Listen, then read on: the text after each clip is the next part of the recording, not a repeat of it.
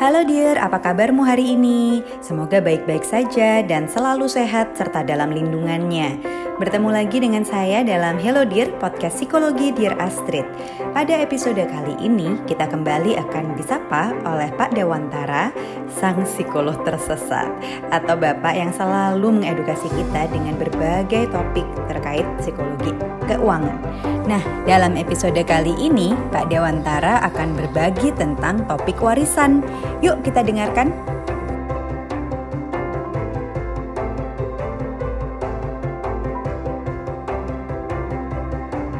Halo, berjumpa kembali dengan saya Dewantara untuk Hello Dear Podcast Psikologi Dear Astrid. Kali ini saya akan berbicara tentang satu hal yang berkaitan dengan keuangan, tetapi sangat erat kaitannya dengan kondisi psikologis seseorang atau mereka yang terlibat yaitu tentang warisan. Iya, kita akan bicara tentang warisan. Harta yang ditinggalkan oleh orang tua kita kepada kita dan saudara-saudara kita atau yang kita persiapkan untuk anak-anak kita ataupun keluarga kita yang lain. Warisan dalam konteks masyarakat Indonesia sebetulnya bukan hal yang terbuka untuk dibicarakan. Seringkali kita takut untuk berbicara atau membahasnya karena kok rasanya tabu ya membicarakan tentang seseorang yang masih hidup tetapi kemudian kita kayaknya mengharapkan kematian ataupun pingin hartanya. Nah, sebelum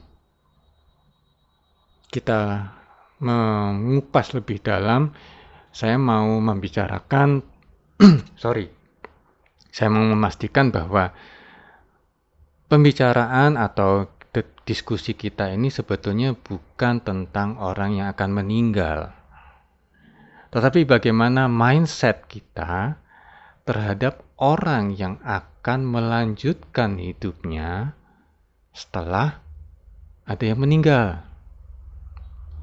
Jadi, katakan kita semua pasti akan meninggal, akan wafat. Entah karena usia tua, atau karena sakit tertentu, atau mungkin karena insiden yang lain, ataukah karena sebab-sebab yang kita tidak ketahui. Who knows, ya. Tapi kita pastikan bahwa setiap orang akan meninggal. Nah, fokus kita adalah bagaimana kita mempersiapkan agar orang yang kita tinggalkan, keluarga yang kita tinggalkan tersebut dapat dapat melanjutkan hidupnya dengan layak. Ini adalah mindsetnya. Jadi kita tidak berbicara tentang hal tabu, tentang membicarakan royokan harta, tapi kita membicarakan secara jelas, secara pasti, sebetulnya warisannya apa, untuk siapa, bagaimana bentuknya, dan lain-lain. Itulah yang akan kita bahas dalam podcast kali ini. Oke, kita sekarang akan bicara tentang oh, perencanaan warisan. Sebetulnya, warisan itu bisa dan harus dipersiapkan sebelum kita meninggal. Karena kita tidak tahu kapan waktunya kita meninggal ataupun karena apa ya. Tetapi sebelum kita meninggal pada saat kita sehat, sebetulnya kita bisa mempersiapkan diri untuk mewariskan pada keluarga kita atau kita membicarakannya bersama saudara-saudara kita dan bersama orang tua kita. Kenapa sih perencanaan warisan itu perlu? Karena yang pertama, memastikan kehendak pewaris itu dapat terlaksana. Ada yang mewariskan untuk keluarganya, untuk istrinya, untuk anaknya. Anaknya mungkin ada yang uh, sudah di luar negeri, sudah bukan warga negara Indonesia misalkan.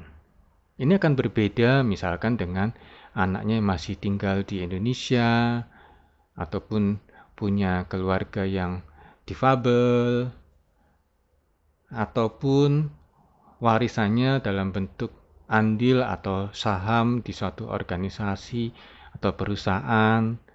Nah, itu juga harus diketahui siapakah yang akan mewarisinya. Tidak mungkin, misalkan si A punya empat orang anak, kemudian semuanya pingin atau eh, bisa melanjutkan kepemilikannya dalam suatu perusahaan. Pada umumnya yang ditunjuk adalah yang satu ya, Sedangkan yang tiga mungkin akan melepas haknya atau mungkin sebagai shareholder pasif. Nah, ini harus dipastikan. Atau mungkin dia mau menyumbang untuk lembaga sosial atau yayasan tertentu. Dari mana? Misalkan dari rekening yang di bank ini itu adalah untuk yayasan atau lembaga sosial. Nah, agar tidak diutak-atik ataupun tidak disalahgunakan oleh mereka yang lain. Kemudian, perencanaan warisan itu juga untuk memastikan nilai harta atau kekayaannya. Kita mengidentifikasi, kita memastikan nilainya. Jangan sampai ada yang tercecer, jangan sampai under value ataupun malah berlebihan. Kita tidak bisa mengatakan, oh iya sih, A itu punya harta warisnya berupa tanah, tapi tanah di mana? Di desa, atau di kota kecil, atau di Jakarta, atau di luar negeri. Ini berbeda nilainya. Jadi ini harus pula dipastikan agar tidak terjadi kesalah taksir ataupun under atau over value. Perencanaan warisan juga punya fungsi untuk memastikan hartanya tersebut betul-betul didistribusikan kepada yang bersangkutan, yang dikehendaki. Ini berkaitan dengan poin yang pertama tadi. Agar tidak ada sengketa, jelas siapa yang diberi, apa bentuknya, kemudian dimanfaatkan untuk apa saja, dan lain sebagainya. Kemudian perencanaan warisan juga punya tujuan agar tidak ada masalah legalitas atau hukum. Pasti bahwa hartanya diperoleh secara sah, bukan merupakan hasil korupsi, bukan merupakan harta yang tidak jelas asal usulnya, hibah yang tidak uh, tentu, ataupun belum bayar pajak dan lain sebagainya. Nah, ini juga memastikan uh, adalah berapakah sebetulnya maksudnya berapakah biaya-biaya yang diperlukan dalam proses waris tersebut.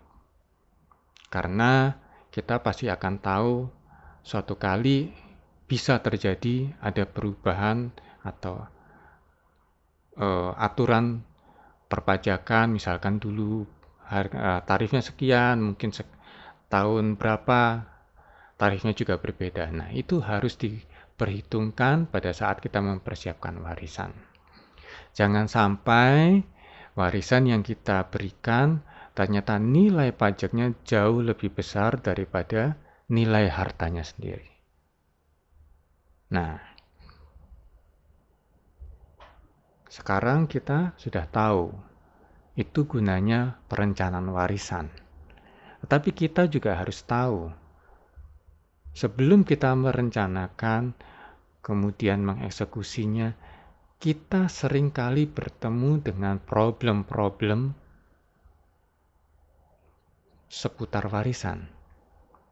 Yang paling jelas adalah kita takut untuk membicarakannya, tabu seperti tadi, seakan-akan kita mendoakan orang tua kita mati, seakan-akan kita e, merasa bahwa anak-anak kita itu pingin ngambil harta kita, sedangkan kita sendiri masih hidup, masih aktif, masih punya berapa tahun untuk berkegiatan. Mau rebutan harta, misalkan. Nah,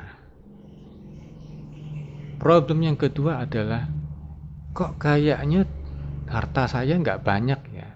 Jadi ngapain saya perlu mengidentifikasinya, merasa harus membaginya. Anda mungkin lupa ada harta yang tersimpan. Saya pernah mendengar penuturan dari seorang rekan. Pada saat nah, saat tertentu dia ingin membereskan masalah keuangannya ya, ceritanya merapikan sebenarnya bukan membereskan, merapikan uh, rekening-rekening banknya dan Anda tahu berapa yang dia punyai? Lebih dari 20 rekening bank yang dia sendiri baru sadar setelah dia rekap satu persatu. Nah, ini kalau terjadi dalam harta waris, bisa jadi anak kita ataupun saudara kita dari uh, kalau kita punya orang tua ya, maksudnya kita bersaudara, bisa jadi kita tidak tahu ternyata hartanya orang tua kita atau harta kita sendiri itu ternyata dalam bahasa Jawa ya berceceran, telecean. Nah, itu gunanya untuk mengidentifikasi harta yang bisa diwariskan ataupun yang uh, memang akan digunakan sebagai biaya hidup bagi kita pada masa tua. Problem yang ketiga, Kadang-kadang kita merasa bahwa susah ya bikin warisan. Kok rasanya mesti mengidentifikasi, kemudian mesti konsultasi dengan notaris dan lain-lain, kemudian mesti bikin e, catatan atau dan lain sebagainya. Jadi seakan-akan ini ruwet. Padahal kalau Anda tidak lakukan sekarang, maka yang mengalami keruwetan adalah ahli waris Anda. Beberapa rekan saya sudah mengalaminya. Orang tua mereka meninggal. Dan rekan-rekan saya itu ada yang tidak mengetahui. Sebetulnya harta orang tuanya itu apa aja. Ada yang keselip. Baru tahunya kapan? Setelah kita bongkar-bongkar rumah orang tua kok ketemu ada berkas ini, berkas itu. Ketemu misalkan ada perhiasan yang disimpan di satu tempat. Nah, jadi ini keruwetan yang mungkin timbul. Problem yang keempat adalah ada harta yang kemudian perlu diatur, perlu dipertegas menggunakan uh, format hukum yang bagaimana? Hukum waris atau hukum agama atau hukum adat? Jangan sampai nanti ahli waris uh, bertengkar bahwa saya mau menggunakan hukum ini. Tetapi yang satu kemudian mengatakan, ya nggak bisa. Kita gunakan hukum waris biasa. Nah, repot kan? Jadi memang harus dipastikan format hukumnya apakah menggunakan hukum waris atau hukum agama ataupun hukum adat dan ini harus dikonsultasikan dengan ahli hukum atau notaris yang lebih berkompeten. Nah, sekarang kita tahu kita perlu merencanakan kita sekarang juga sudah mengenal apa problem-problem dari dari satu diskusi atau uh, bahasan tentang warisan. Apa sih efeknya? Kalau kita tidak menyelesaikan problem itu sejak awal, maka efeknya akan berkepanjangan. efek yang paling jelas adalah terjadinya perselisihan atau pertengkaran keluarga. Ini semakin banyak dalam kondisi sekarang. Karena ada semakin banyak orang juga yang mulai sadar bahwa waris itu merupakan hak saya. Contoh misalkan, ada suami istri, kemudian tiba-tiba istrinya udah uh, istrinya kemudian meninggal. Si bapak kemudian menikah lagi. Nah, dari perkawinan dengan istri yang meninggal itu punya tiga orang anak misalkan. Kemudian dari perkawinan dengan istri yang kedua itu punya tiga orang anak. Pada saat waris dibuat, eh, sorry maksud saya pada saat waris eh, dilakukan setelah si bapak meninggal, kita akan berhadapan dengan satu problem. Berapa sebetulnya hak waris dari masing-masing anak? Semuanya adalah anak kandung dari bapak tersebut. Meskipun dari istri yang pertama sudah meninggal dan sekarang dengan istri yang kedua. Nah, ini adalah efek pertengkaran perselisihan yang bisa terjadi. Efek yang kedua adalah kalau kita tidak mengidentifikasi maka aset kita itu bisa hilang. Saya juga ada satu penuturan bahwa ada seorang suami eh, tiba-tiba uh, meninggal ya sakit mendadak meninggal dan kemudian istrinya jadi bingung. Istrinya tahunya hartanya misalkan A sampai E. Tetapi ternyata harta si suami itu adalah A sampai J. Jadi ada beberapa yang tidak diketahui oleh sang istri. Bukan karena si suami berselingkuh ataupun uh, punya rahasia yang lain. Bukan, tetapi karena si suami tidak informasikan secara jelas kepada istrinya. Si suami punya share di suatu usaha bersama teman-temannya. Punya satu deposito yang terpisah. Punya asuransi yang belum dia sampaikan kepada istrinya. Nah, ini adalah contoh-contoh nyata karena saya mendengarkannya juga secara langsung ada harta yang tidak terdata. Tiba-tiba uh, orang tua ataupun kita sendiri, pasangan kita ada meninggal mendadak dan ahli warisnya nggak tahu. Jadi harta itu malah hilang. Nah, efek yang ketiga, kalau kita tidak mengidentifikasi harta adalah adanya problem legalitas. Seperti yang tadi, mengatakan, iya Bapak cerita pernah punya tanah. Tapi ternyata tanahnya ada di desa dan de tanah itu sudah dikelola ataupun diolah oleh orang lain. Karena tidak ada bukti kepemilikan. Si bapak punya saham. Dia sudah beli dari sekian tahun yang lalu, tetapi tidak pernah disampaikan Si bapak merasa bahwa sahamnya sudah bisa memberikan dividen, cukup untuk biaya hidupnya. Kebetulan bapak ini berusia sudah lanjut, kemudian meninggal, tetapi anaknya tidak tahu. Ternyata dia punya, si ayah ini punya harta dalam bentuk saham. Nah, ini problem legalitas. Siapa akan mewarisi? siapa yang akan bertanggung jawab? Nah, efek keempat adalah kalau kita tidak mempersiapkan, maka bisa jadi terjadi biaya-biaya yang tidak kita duga.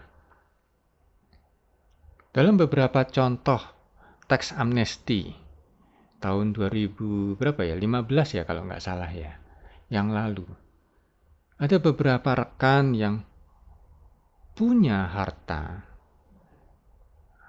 atas rumah misalkan, atas nama orang tuanya. tetapi belum pernah atau tidak pernah dilaporkan ke dinas pajak. Nah, ini kemudian akan jadi problem. Problem legalitas dan kemudian berujung pada denda. Karena dianggap bahwa harta tersebut diperoleh secara tidak jelas.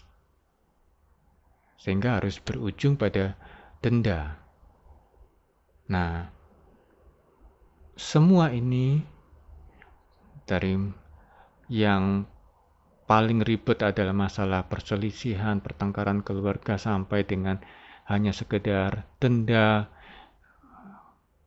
pajak atau biaya warisan, itu pasti akan menimbulkan problem psikologis bagi mereka yang terlibat. Tidak mudah. Karena ini bukan cuma masalah psikologis antara saya dengan si B misalkan, atau antara saya dengan istri, atau antara saya dengan saudara saya, bukan. Tapi ini melibatkan banyak orang. Dengan pasangan saya, dengan saudara saya, atau mungkin malah dengan keluarga besar saya. Ada juga satu kasus. Ada seorang uh, lansia ya misalkan. Mereka anggaplah bersaudara lebih dari lima. Kemudian orang tua mereka tentunya sudah meninggal dan mewariskan satu rumah. Satu rumah ini kemudian ahli warisnya tentunya adalah anak-anaknya. Lebih dari lima. Kemudian salah satu anak ini kemudian ada yang meninggal. Nah, bagaimana menyelesaikan problem ini? Cucunya pasti akan bertanya-tanya, loh, orang tua saya juga punya hak atas rumah tersebut. Kalau cucunya satu mungkin gampang, tetapi kalau cucunya tiga, pasti ada beda pendapat juga. Rumahnya harus dijual, rumahnya harus dibagi. Gimana caranya? Nah, ini problem. Melibatkan saudara kandung, melibatkan keluarga besar dalam hal ini paman atau uh, bibinya atau om tantenya ya ataupun orang tuanya yang masih hidup ini repot maka saya akan kembali pada mindset. Saya akan mengulang bahwa ini sebetulnya bukan hal tabu untuk kita bicarakan pada saat ini, pada era seperti sekarang. Kita perlu berpikir terbuka bahwa warisan adalah untuk mereka yang ditinggalkan, bukan untuk mereka yang meninggal.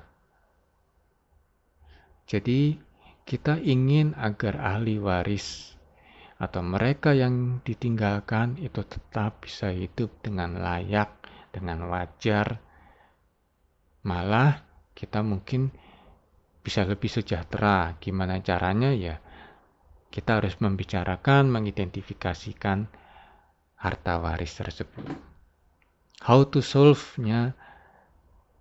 Yang pertama memang harus punya perubahan mindset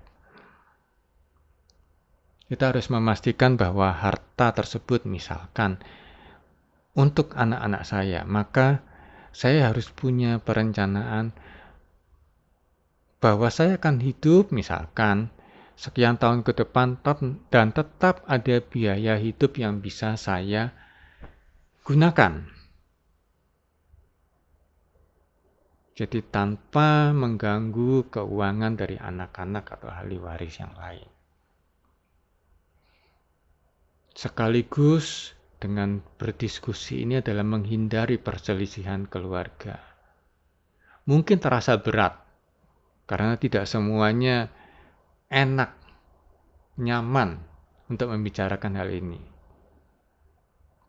Tidak semuanya dalam satu kesepakatan bahwa kita harus bicara ya. Atau mungkin ada yang merasa, enggak, aku enggak mau bicara, aku tunggu nanti, apa katanya nanti. Nah, tetapi kita perlu mengajak, membuka mindsetnya. Nah, how to solve yang kedua tentunya kita perlahan-lahan mengumpulkan data atau informasi tentang harta kita. Kalau kita sudah punya harta orang tua, uh, sorry, kalau orang tua kita sudah meninggal, maka kita harus memastikan bahwa dokumen-dokumen harta-hartanya itu sudah clear semua. Atau kalau kita sendiri, kita harus mengidentifikasi apa yang kita punyai. Rekening bank, atau deposito, atau reksadana, atau kendaraan, atau properti, atau koleksi tertentu, atau asuransi. Nah, itu semua harus diidentifikasi. Kita mau waris mau wariskan kepada siapa?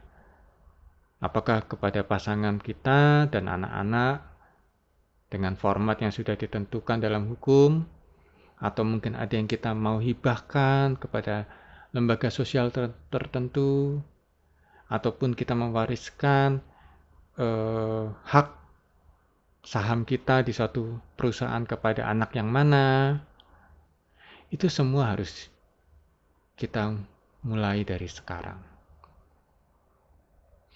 Yang ketiga, how to solve-nya adalah jangan lupa, jangan sungkan minta pendapat, opini, profesional dari financial planner ataupun notaris.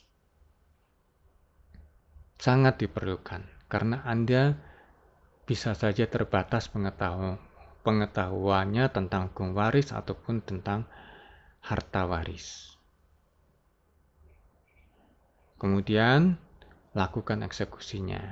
Tetapkan harta. Kalau Anda sudah punya uh, pendapat atau saran profesional dari financial planner atau notaris tetapkan. Harta si A, anak saya ini, harta si B ini, misalkan dia mewarisi eh, perusahaan ini, ataupun mewarisi usaha ini, atau mewarisi aset ini,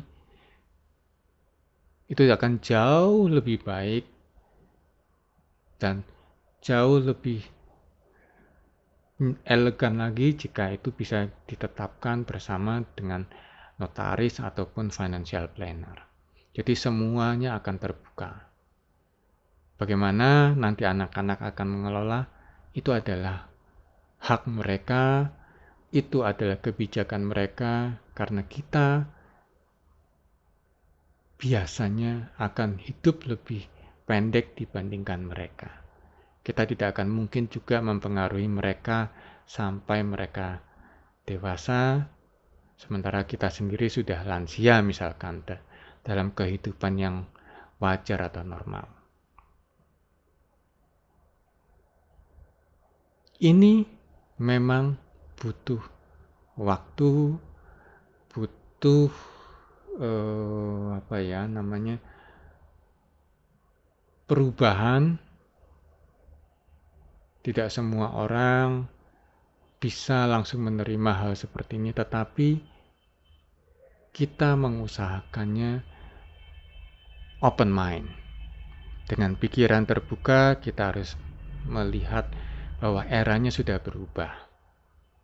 Bukan lagi kita harus sembunyikan harta kita sampai dengan pasangan kita atau anak-anak kita tidak paham, tapi justru kita harus mengidentifikasinya, kita harus menyampaikannya agar mereka bisa menjalani hidupnya nanti dengan lebih jelas, lebih lega, tidak ada beban psikologis, dan mulai mempersiapkan masa depan mereka masing-masing juga. Saya Dewantara untuk Hello Dear podcast psikologi dari Asrid. Kita akan jumpa lagi pada kesempatan mendatang. Salam. Nah, itu tadi Dear, pembahasan seputar warisan yang sudah disampaikan oleh Pak Dewantara. Semoga membuka wawasan untukmu dan suatu saat ketika dibutuhkan atau ketika saat ini sedang dibutuhkan, itu bisa membantumu untuk mengambil keputusan terkait hal yang sangat sensitif ini di keluargamu. Semoga dirimu dan juga keluarga selalu sehat di dalam lindungannya dan jangan lupa subscribe kami di Hello Dear Podcast Psikologi Dear Astrid serta follow Dear Astrid astrid.id di Instagram. Terima kasih dan sampai jumpa. Dadah.